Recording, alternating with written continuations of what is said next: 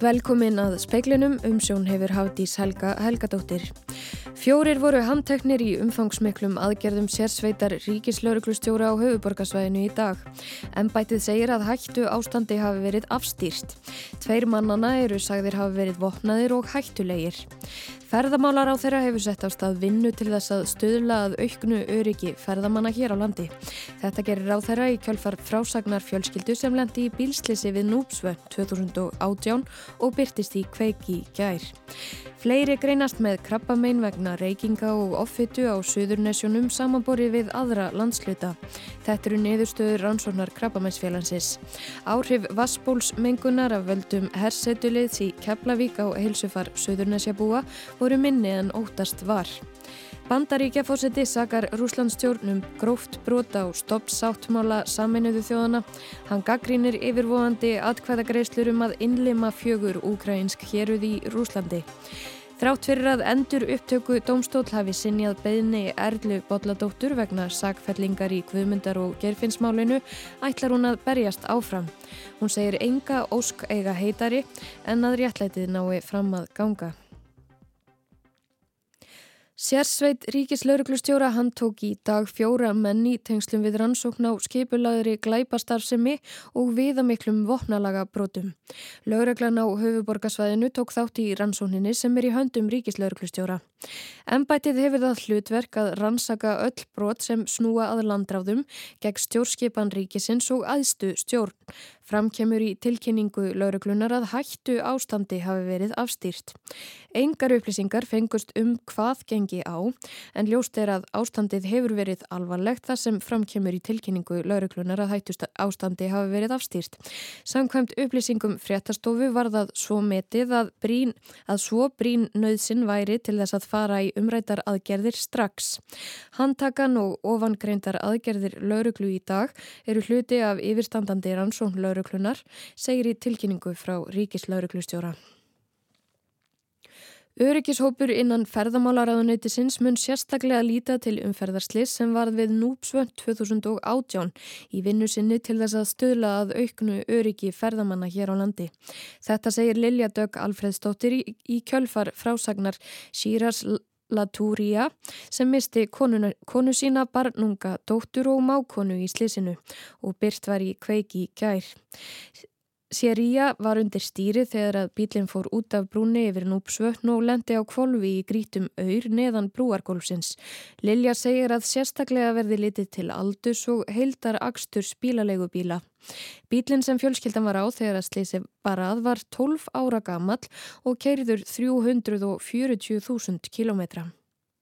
Við munum setja þetta inn í ákveðin öryggishóp sem vinnur í ráðanitinu og hefur verið að vinna að því að stuðla að auknu öryggi ferðamanna hér á landi og við munum uh, nota uh, þetta uh, ræðilega atvik til þess að bæta bæði reglugerðir og, og mögulega lagasetningu til þess að, að tryggja frekar öryggi hér á, á landi. Sri Ræ eh, vonaðist til þess að frásögn hans yrði til þess að einhverju hefði breytt.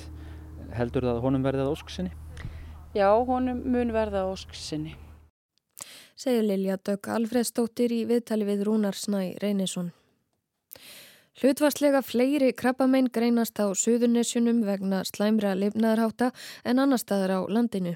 Reykingar og ofþyngd eru þar veigamest. Þetta eru niðurstöður ansóknar sem krabbameinsfélagið gerði nýverið. Rannsókninni var meðal annars ætlað að kanna hvort vassbólsmengun af völdum hersetuliðsins í Keflavík hefði leitt til aukinar tíðni krabbameina á undanförnum áratugum. Í tilkynningu frá krabbameinsfélaginu um niðurstöðu rannsóknarinnar kemur fram að íbúar Suðunissi hafi áratugi haft grunnsendir um að vassmengun af völdum varnaliðsins valdi krabbameinum. Niðurstöðunar sína að fjögur krabbameinstilfelli að hámarki á tímabilinu 1955 til 2010 megi rekja til vassbólsmengunar. Áhrif mengunarinnar er því talsvert minni en óttast var, eins og segir í niðurstöðunum. Í rannsókninni kemur þó fram að herra hlutfall reykinga og ofþingdar á suðunisum en annar staðar á landinu valdi því að þar greinist fleiri krabbamein tengd lifnaðarháttum. Á árunum 2011 til 2020 greindust 140 íbúar Reykjanesbæjar með krabbamein sem talið er að megi reykja til reykinga.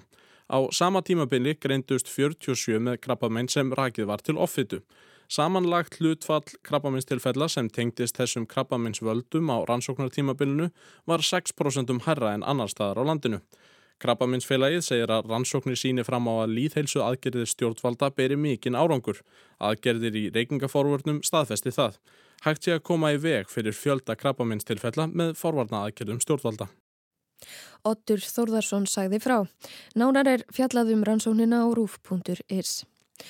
Joe Biden bandaríkja fórseti sakaði Rúslandstjórnum gróft brota og stoppsáttmála saminuðu þjóðana í ávarpi sínu á allsherjar þinginu í dag. Hann gaggrindi yfirvóðandi að hvaða greiðslur um að innleima fjögur úkrænsk héruð í Rúsland. Rúsneskir embættismenn í héröðunum Donetsk, Lugansk, Kherson og Saporísja sem rússar halda að hluta tilkynntu í gerum atkvæðagreðslur um hvort innleima ætti héröðun í Rúsland. Þetta fjalli í grítan jarðvega á Vesturlöndum. Biden sagði í ræðu sinni á allsherjarþinginu að atkvæðagreðslutnar yrðu falskar, ekkert annað en síndarmennska og er nokkuð ljóst af orðum hans að bandaríkja stjórnmun ekki viðurkenna niðurstöður þeirra frekar en önnur vestræn ríki. Forsetin bandaríski sagði innrás rúsa í Úkrænum snúast um gjör eðileggingu ríkisins. A permanent member of the United Nations Security Council invaded its neighbor, attempted to erase a sovereign state from the map. Russia has shamelessly violated the core tenets of the United Nations Charter. Biden sagði að ríki með fast sæti í öryggisráði saminuðu þjóðana hefði ráðist inn í grannríki sitt í þeim tilgangi að afmá það af landakortinu. Þetta væri brota á stoppsáttmála saminuðu þjóðana. Sagði Biden enn fremur að í þeim tilgangi hefðu rúsar ráðist á skóla, lestarstöðvar, sjúkrahús og framið hryllilega stríðsklæpi. Þórgnýr Einar Albersson tók saman. Hérastómur Reykjavíkur fjölst í júni á kröfu lauruglunar á höfuborgarsvæðinu um að hýsingarfyrirtæki væri skilt að láta af hendi allar upplýsingar um vef sem fyrirtækið hýsti. Krafan var vegna rannsóknar hjá lauruglu í Erlendu ríki. Vefurinn var sagður á vegum hriðjuverka samtaka þar sem fólk var kvart til að stunda hriðjuverkastarfsemi. Annarkvort með ofbeldi í sínu heimalandi eða með því að dreifa áróðri um slíkt. Nánar er fjallaðum málið á rúf.is. Erla Bolladóttir ætlar, ætlar að berjast áfram fyrir að endur upptöku dómstól hafi Erla Bolladóttir ætlar að berjast áfram þrátt fyrir að endur upptöku dómstól hafi sinjað beðni hennar vegna sakfellingar í Guðmundar og gerfinsmálum. Erla Bolladóttir og Sigrún Gísladóttir lögmaður hennar sátu fyrir svörum á bladamannafundi í dag. Erla lísti miklum vonbreyðum með að henni hefði verið sinjað um endur upptöku sakfellingar sinnar fyrir ránga sakargiftir. Hún sagðist enga óskeiga heitari en að þið réttleitin næði fram að ganga. Erla sagði að hún hefði greins með ólegnandi krabbamenn. Þetta er einhverjum í huga ég sé að standi því með dauðadóm læknana hérna yfir mér til þess að kýla á einhverja líf áður en ég hver hérna. Hún ætlar ekki að gefast upp. Sigrún, lögumadur Erlu, lísti mögulegu næsta skrefi. Já, það, hérna, svo skilir þetta að leita til mærðardómstólsins er að þú hafið klárað alla leiðir innanlands og þessi dómur enduruptökudóms er endanlega niðurstað innanlands, þannig að það er klárlega eitthvað sem að kemur til skoðuna næst á þessu stíði. Ég hef hins vegar sett mér það að á meðan það er leið, þá fer ég hann sagði Erla Bolladóttir, áður heyrðist í Sigrúnu Gísladóttur, Brynjólfur Þór Guðmundsson tók saman. Liðlega 2 kíló af amfetamíni og kókaini fundust falin í ferðartöskum maðkina sem komu til Seyðisfjardar með Norrænu að morni þriðjödagsins 13. september síðastliðin. Þetta kemur fram í tilkynningu frá lauruglunni á Östurlandi. Móðurinn er á færtúsaldri en sonurennar er á 16. aldursári. Þau voru bæði úrskurðuð í gæsluvarðhald til förstudagsins 23. september en pilturinn er sögum ungs aldurs vistaður á stofnun fyrir ungmenni meðan að gæslu gæslu varðhald varir. Ráðstefnan breytar ferðavennjur verður haldin í dag í menningarhúsinu Hofi í tilemni af Evrósku samgönguvikunni. Skipulagsfulltrúi Akureyra bæjar segir kröfu fólksum aðskilda göngu og hjólastíga sífælt aukast, sérstaklega með rafaðingu síðustu ára. Evrópska samgönguvikan stendur nú yfir og markmiðið er að kynna vistvæna, hilsueflandi og hagkvæma samgöngumáta. Ráðstefnan er eitt liður í því þar sem vakin er aðtegli á möguleikum og breyttum ferðavennjum.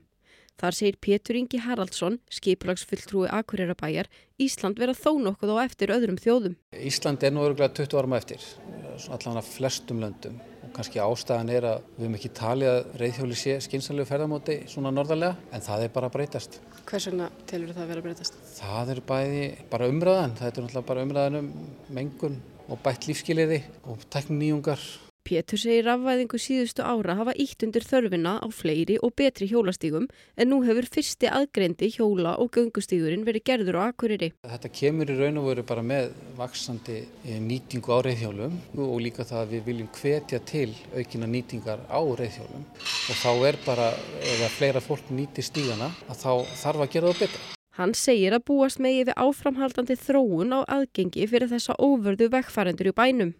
Evrópsku samgönguvikunni líkur svo á morgun með bíllösadeginum þar sem fólk er kvart til að nota umhverjusvæna og heilsusamlega samgöngumáta í stað bílsins. Amanda Guðrún Bjarnadóttir tók saman.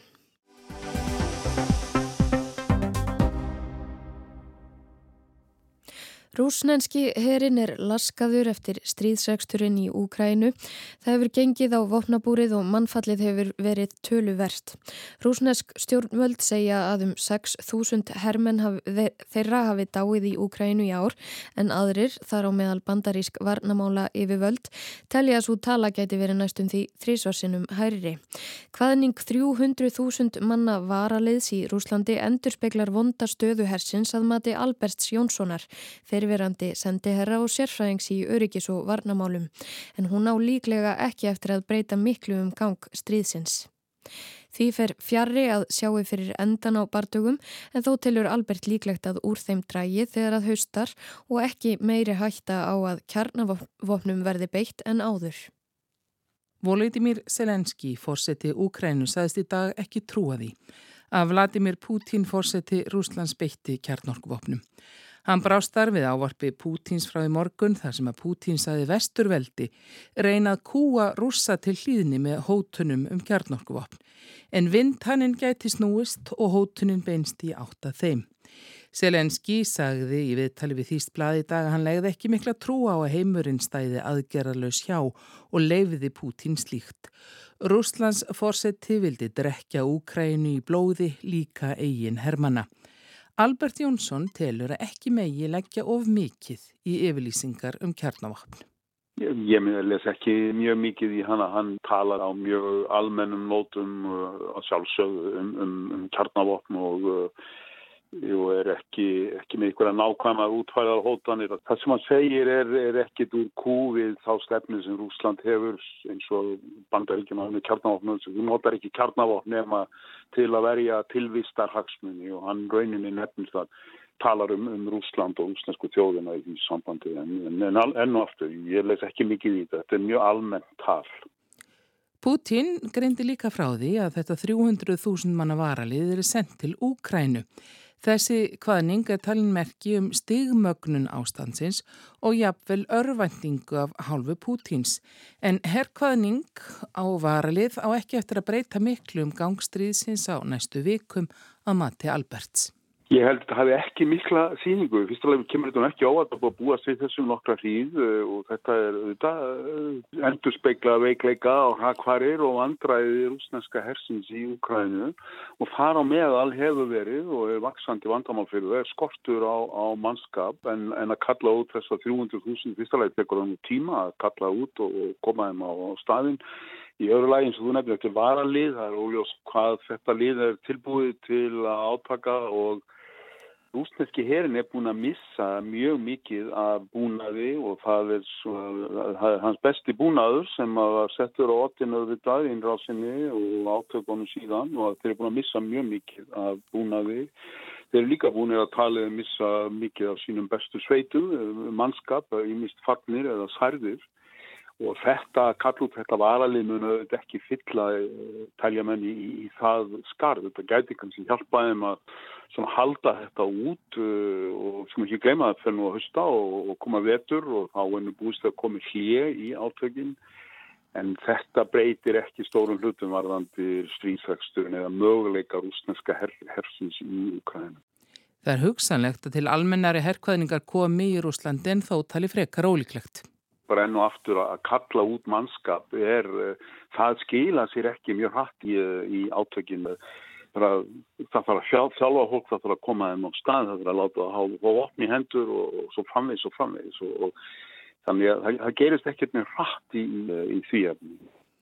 Á næstunni á að halda atkvæðagreðslur í fjórum héröðum í Úkrænu, í Donetsk, Luhansk, Kerson og Zaporizhia um að hvort íbúar þar vilji saminast Rúslandi. Er þetta sambarlegt við atkvæðagreðslu sem endar til áður en rússar innlimiðu Krímskaga árið 2014? Já, svipað og um, er aðtrygglisvert auðvitað, þetta er angið að sama meði, þetta er uh, endur speklar vandræði og veikleika en um, einn möguleg skýring er á þessu að þessi verið að reyna að hræða úkrænumennina frá frekari aðgerðin í Östurlutanum og einstaklega nálagt Hersson og í, í Suðvestri og þá er átt við að setja útgrænum fyrir fram að það kosta að, að, halda áfram, gera árásir, halda áfram svo, það sé árás á Rúsland sjálf, þessi héruður og hluta á Rúslandi, þannig að þetta er svona einn pælingin en En aðalatrið er að þetta auðvitað endur spekla óta við framhaldið og við frekar í soknar aðgerðir Úkræna inn í Donbass. Og Úkræna sjálfur hafa þetta, þetta breyti enguð og auðvitað segja það og, og þetta sé bara uh, bluff. En um, svo er eftir Putin að reyna að hæða Vesturland frá stuðringið Úkrænum, það sé nú enn ólíklega að þetta hafi þau áhrif. Svo auðvitað verður, þessi atkvæða greislega gagling, það er ekki að hafa neina eðlilegar almennilega kostningar við þar aðstæðu sem ríkja á þessum stöðum. Gefa menn sér þá samt í raun og veru að niðurstan úr þessari atkvæðgæðslu hvernig sem hún er fengin verði svo að þessi stöðningur þar við? Já, já, yfir rústin stjórnvöld mun að þetta nota það sem réttlætingu og mín að hugsa alveg sem þið gerðu eftir, eftir atkvæðgæðslunni klíma þeir rökum með niðurstöðuna inn í, í rústinska þingið og letur rústinska þingið samþykja klíma hluta Rúslandi samkvæmt rústinskum lögum Þannig að auðvitað þessi möguleikar uh, hugsanlegir og, og, og jáfnveg líklegir en, en, en nákvæmlega á þessi stík hvaða áhrif þetta hefur, það hefur uh, á eftir að þetta komi í ljós. Albert, uh, veka því að dreyji gæti úr átökum vegna ytri aðstæðina? Fyrsta það sem gerist í haust er að það, það uh, linast mjög jarðvegurinn þegar fyrstu frost koma yfir nóttin og svo, svo þinnar á daginn og, og um, Þannig að þá er nú erfitt að beita skreitreikuðum eða prímverðum ökutækjum utan aðalvega til dæmi. Þannig að þetta er svona eitt þáttur og, og, og síðan auðvitað kólnar og fristir og þetta hefur, hefur áhrif og þau munum byrja að koma til sögu eftir einhverja vikur. En, en almennt auðvitað stendur stríðið ennþá þannig að rúsa ráða 20% um það bila að Úkrænu talaðum að þrýðjungur af framleyslu getur Úkrænus farin fyrir bí og það eru Úkrænar ekki um það bíl að fara að sigra í átökunum en þeir hafa vissulega veittur úsum skráiður og, og úsar hafa orðið fyrir miklu áfalli og eins og ég nefndi það orðið fyrir miklu herrgagnatjóni og talið að miskosti þúsundir hermannasjöfallin eða særður og það er eins og ég sagði þetta er þeirra besta lið og besti búnaður sem er farin. Það vakti aðtegl í morgun þegar kínuversk stjórnvöld sem hafa frekar verið hliðhóll rússum kvöttu til vopnallés og friðarviðræðinu um Úkrænu. Það hafa verið merkjum það undanfarið að kínastjórn hafi að miskostið vaksandi evasendur um Úkrænustríðið og, og stefnir rúsa. Kína er auðvitað mikið stórveldi og rússar eru með háðir Kína og verða það í sívaksandi mæli eftir því sem einangunum verður alveg á vettvangi ekst en rússar skipta þetta Kína líka máli í samkerfni við bandaríkina að ég hef náttúrulega það er mikið að ganga á ef, ef, ef kynverjar yfirgefa rússa. En, en þetta er áhugavert og sem segið ákveðna sögu um, um, um afstöðu kínastjórnan og hvað var afstöðu úkrænistjórnan, þá held ég að þetta greiði hana nú ekki mikið vegna þess að þannig kemur skýrt fram kínverjónum að það er að taka tillit til lagmætra öryggis hagsmuna allra aðila eins og það er orðað í umælum kínverðu fulltrú að kínverðska auðvitaðriksafnitsins og það er auðvitað ekki það sem úkrænar hafa áhuga á að hlusta á. Mjög er rætt um stríði í Úkrænu og alls þeirra þingi saminuð þjóna sem haldið er í New York þessa dagana. Albert býst ekki við að þær ræður breyti miklu. Nei, ég held að alls er að þing saminni þjóðana muni að hafa afskaplega takkmörku og engin áhrif og gangmála í Úkræna. Sagði Albert Jónsson, Anna Kristín Jónstóttir talaði við hann.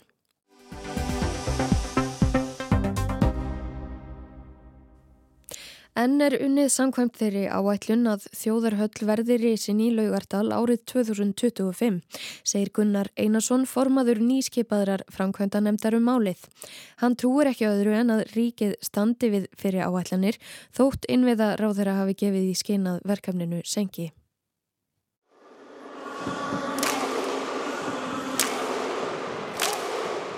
Íþróttahús sem uppfyllir kröfur fyrir alþjóðlega keppni í innanhúsíþróttum og bætir að íþróttaðarstöðu fyrir skóla og íþróttafélög á að vera risið í lögardal árið 2025. Áttadögum fyrir sveitarstofnarkostningar í vor undir yttuðu fósættisráþurra, menta og barnamálaráþurra og borgastjóri vilja yfirlýsingu þess efnis. Hávar umræða hafi verið dagan á undan um þörfina fyrir þjóðarhöll og brostinn lofóð fyrir tíma revjuð upp. Segja mig á kveikjana því hafi verið við talvið Guðmund Guðmundsson landslistjálfara í handbolta sem úthúðaði stjórnvöldum eftir landsleik og ásvöldum í april.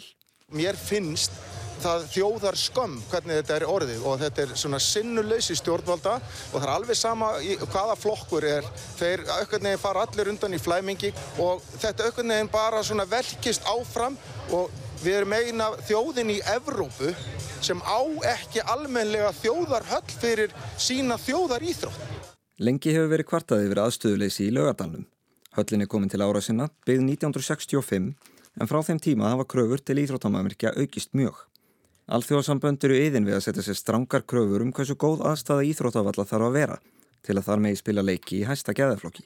Með þeim má þrýsta á ofinbæra aðila um að bæta aðstöðuna. Aðurum kosti þarf að leika landsleiki erlendis og slíka niðurlægingu sætir enginn sér við.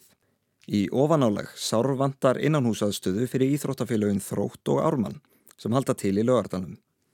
Úr öllu þessu á ný þjóðarhöll að leysa. Í síðasta mánuði tók til starfa framkantanemnd Ríkis og Borgar. Gunnar Einarsson, fyrirverandi bæjastúri í Garðabæ, er formaðu þeirra nefndar. Það er bara útgefið til dæmis af, af alþjóða handbóltasambandinu hvað þurfa að vera í, í höll sem að, sem inniheldur landslíki. Það tekur til lýsingar, það tekur til uh, aðstöðu fyrir, fyrir fréttamenn, það tekur til aðstöðu fyrir leikmenn og, og eitt og annað sem er bara fyrir skrifað og, og það er ekkert mjög flókið í raun að, að fara bara eftir því en það væri náttúrulega galið að fara á stað og, og gera það ekki að því við erum nú að reysa þessa þjóðarhöll til þess að mæta þessum kröfum. Frangandanemdini er alltaf að vinna á hvenna undirbúningsvinnu svo sem ákvarða hvar í lögadalum húsir ís. Líklegasti kosturinn er svæði sunnan við núverandi lögadalsöll nær Suðurlandsbrödd og taka endanlega ákverðunum hvað verður í húsinu. Reykjavíkuborg uh, sett er búin að lýsa yfir að setja í þetta með 2 miljardar sem hefði kostað að reysa kannski, til dæmis íþróttahús uh, fyrir, fyrir íþróttaæfingar hann í hverfinu og fyrir, fyrir skólakenslu. Þannig að, að við getum sagt sér svo að uh, til að upphylla þessa þörf og þörfina fyrir, fyrir landsliðin að þá þarf þetta að vera ákveðni stærð og ég hef séð teikningar af því að það er að skipta vellinum upp í þrjá og jætvel fjóra velli 2040, það er höll í þrámteimi sem er, er, er, er svipuð og uh, ég sé fyrir mér að, að þarna verði sagt, íþróttakensla að, að degi til og þess vegna landslið að æfa á einum vellinum að degi til, á mótni til og, og síðan eru, eru íþróttaæfingar á, á kvöldin og svo framvið. Ég sé bara íðan til líf þarna alla daga. Ímislegt fleira geti á teima í höllinni að sög Gunnars, höfustöður ISI, aðstæða fyrir háskólan og jável fleira. Og síðan uh, finnist mér uh, og finnst mér, og það hefur svo sem komið til tals, mjög áhugavert að, að til dæmis höfustöðar ISI gætu verið þarna og uh, mér finnst mjög áhugaverð umræðin um það hvort að sé að koma þarna inn í þetta hús uh, með ákveðnum samningum aðstöðu fyrir háskólana til rannsókna og, og þess vegna kennslu. Þetta eru hluti sem að hafa verið nefndir í, í forskíslum og uh, það er eitt af því sem að Frankvænta nefndi mun skoða og, og leggja þá til að það verði kannski bætt við fermetrunum hér og fermetrunum þar til þess að koma til móts við slíkar þarfir en þá eru þær þarfir fjármagnaðar af þeim aðlum sem ætlar að para að nota það. Framkvæmda nefndin áallar að skila af sér eftir um 8 mánuði og eftir það er boltinn hjá Ríki og Borg. Sem fyrir segir er markmiðið að húsi veri tekið í notkun árið 2025. Ef ekkert klikkar, sagði ásmundur Einar Daðarsson, ráð þeirra íþróttamála eftir að hafa undirritað vilja yfirlýsinguna. Íþróttarhefingin sem hefur beðið eftir höllum langa hríð hefur tekið þessu með fyrirvara. Minnug þess að Íþróttahöllin hefur verið til umræðu í ára tugi. Árið 1994 hétt Yngibjörg Solon Gísladóttir borgastjóri því til að mynda að borgin myndi borga helming í nýri höll ef ríkið kemur með hinn helmingin. Síðan er liðin aldar fjörðungur. Viðtal við Sigurd Inga Jóhansson, innviðar á þeirra á sprengisandi á bylgjunni í vikunni, var ekki til þess fallið að slá á evasamdarættinnar. Umröðaefnið var ofinber fjárfæsting og talið barsta þjóðaröllinni. Það er ljósið þess að við erum búin að vera að tala um hérna, að þurfum við aðeins að hæja á sumum frangöndu til að koma öðrum að. Þá ætla ég að lega mér að giska og ég ætla að byrja það undir þig.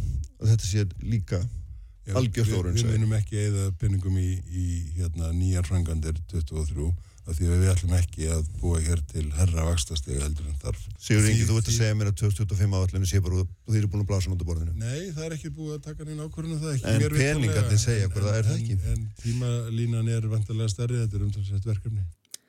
Tímalína verkefnisinn stækkað. Varðla má skilja það öðruvísi en að verkefninu hafi verið frestað og þó án þess að nokkur hafi tekið neina ákvörðum þess efnis. Á meðan Sigurður Ingi lætur í það skína að þetta sé meðvituð ákvörðum stjórnvalda segi Bjarni Benediktsson fjármálur á þeirra að máli strandi ekki á peningaskorti. Ekkert samkominlag hafi náðust um hver á að byggja þjóðarhöllina, hver eiga eigana og hver á að rekana. Og það er endar alveg rétt. Vilja yfirlýsingin eh, gefur svona nokkuð, nokkuð góðan ramma hvað þetta varðar og uh, síðan á eftir að vinna þá vinnu nákvæmlega hvaða fermetra til dæmis í svona húsir, mann getur orðið 20.000 fermetrar hvaða fermetrar eru tilkomnir engungu vegna þessara landsleikja og þeirra krafna sem alþjóðasamtökin uh, gera uh, og síðan uh, hvaða kröfur gerir, eru gerða til skólahúsnaðis og, og íþróttahúsa fyrir venjulega ræfingar og síðan fer fram bara einhver Excel-æfing í því hvað, hvað tilherir hverjum. Það líkur sem sé ekki fyrir hver hlutu ríkisins í nýrihöll verður.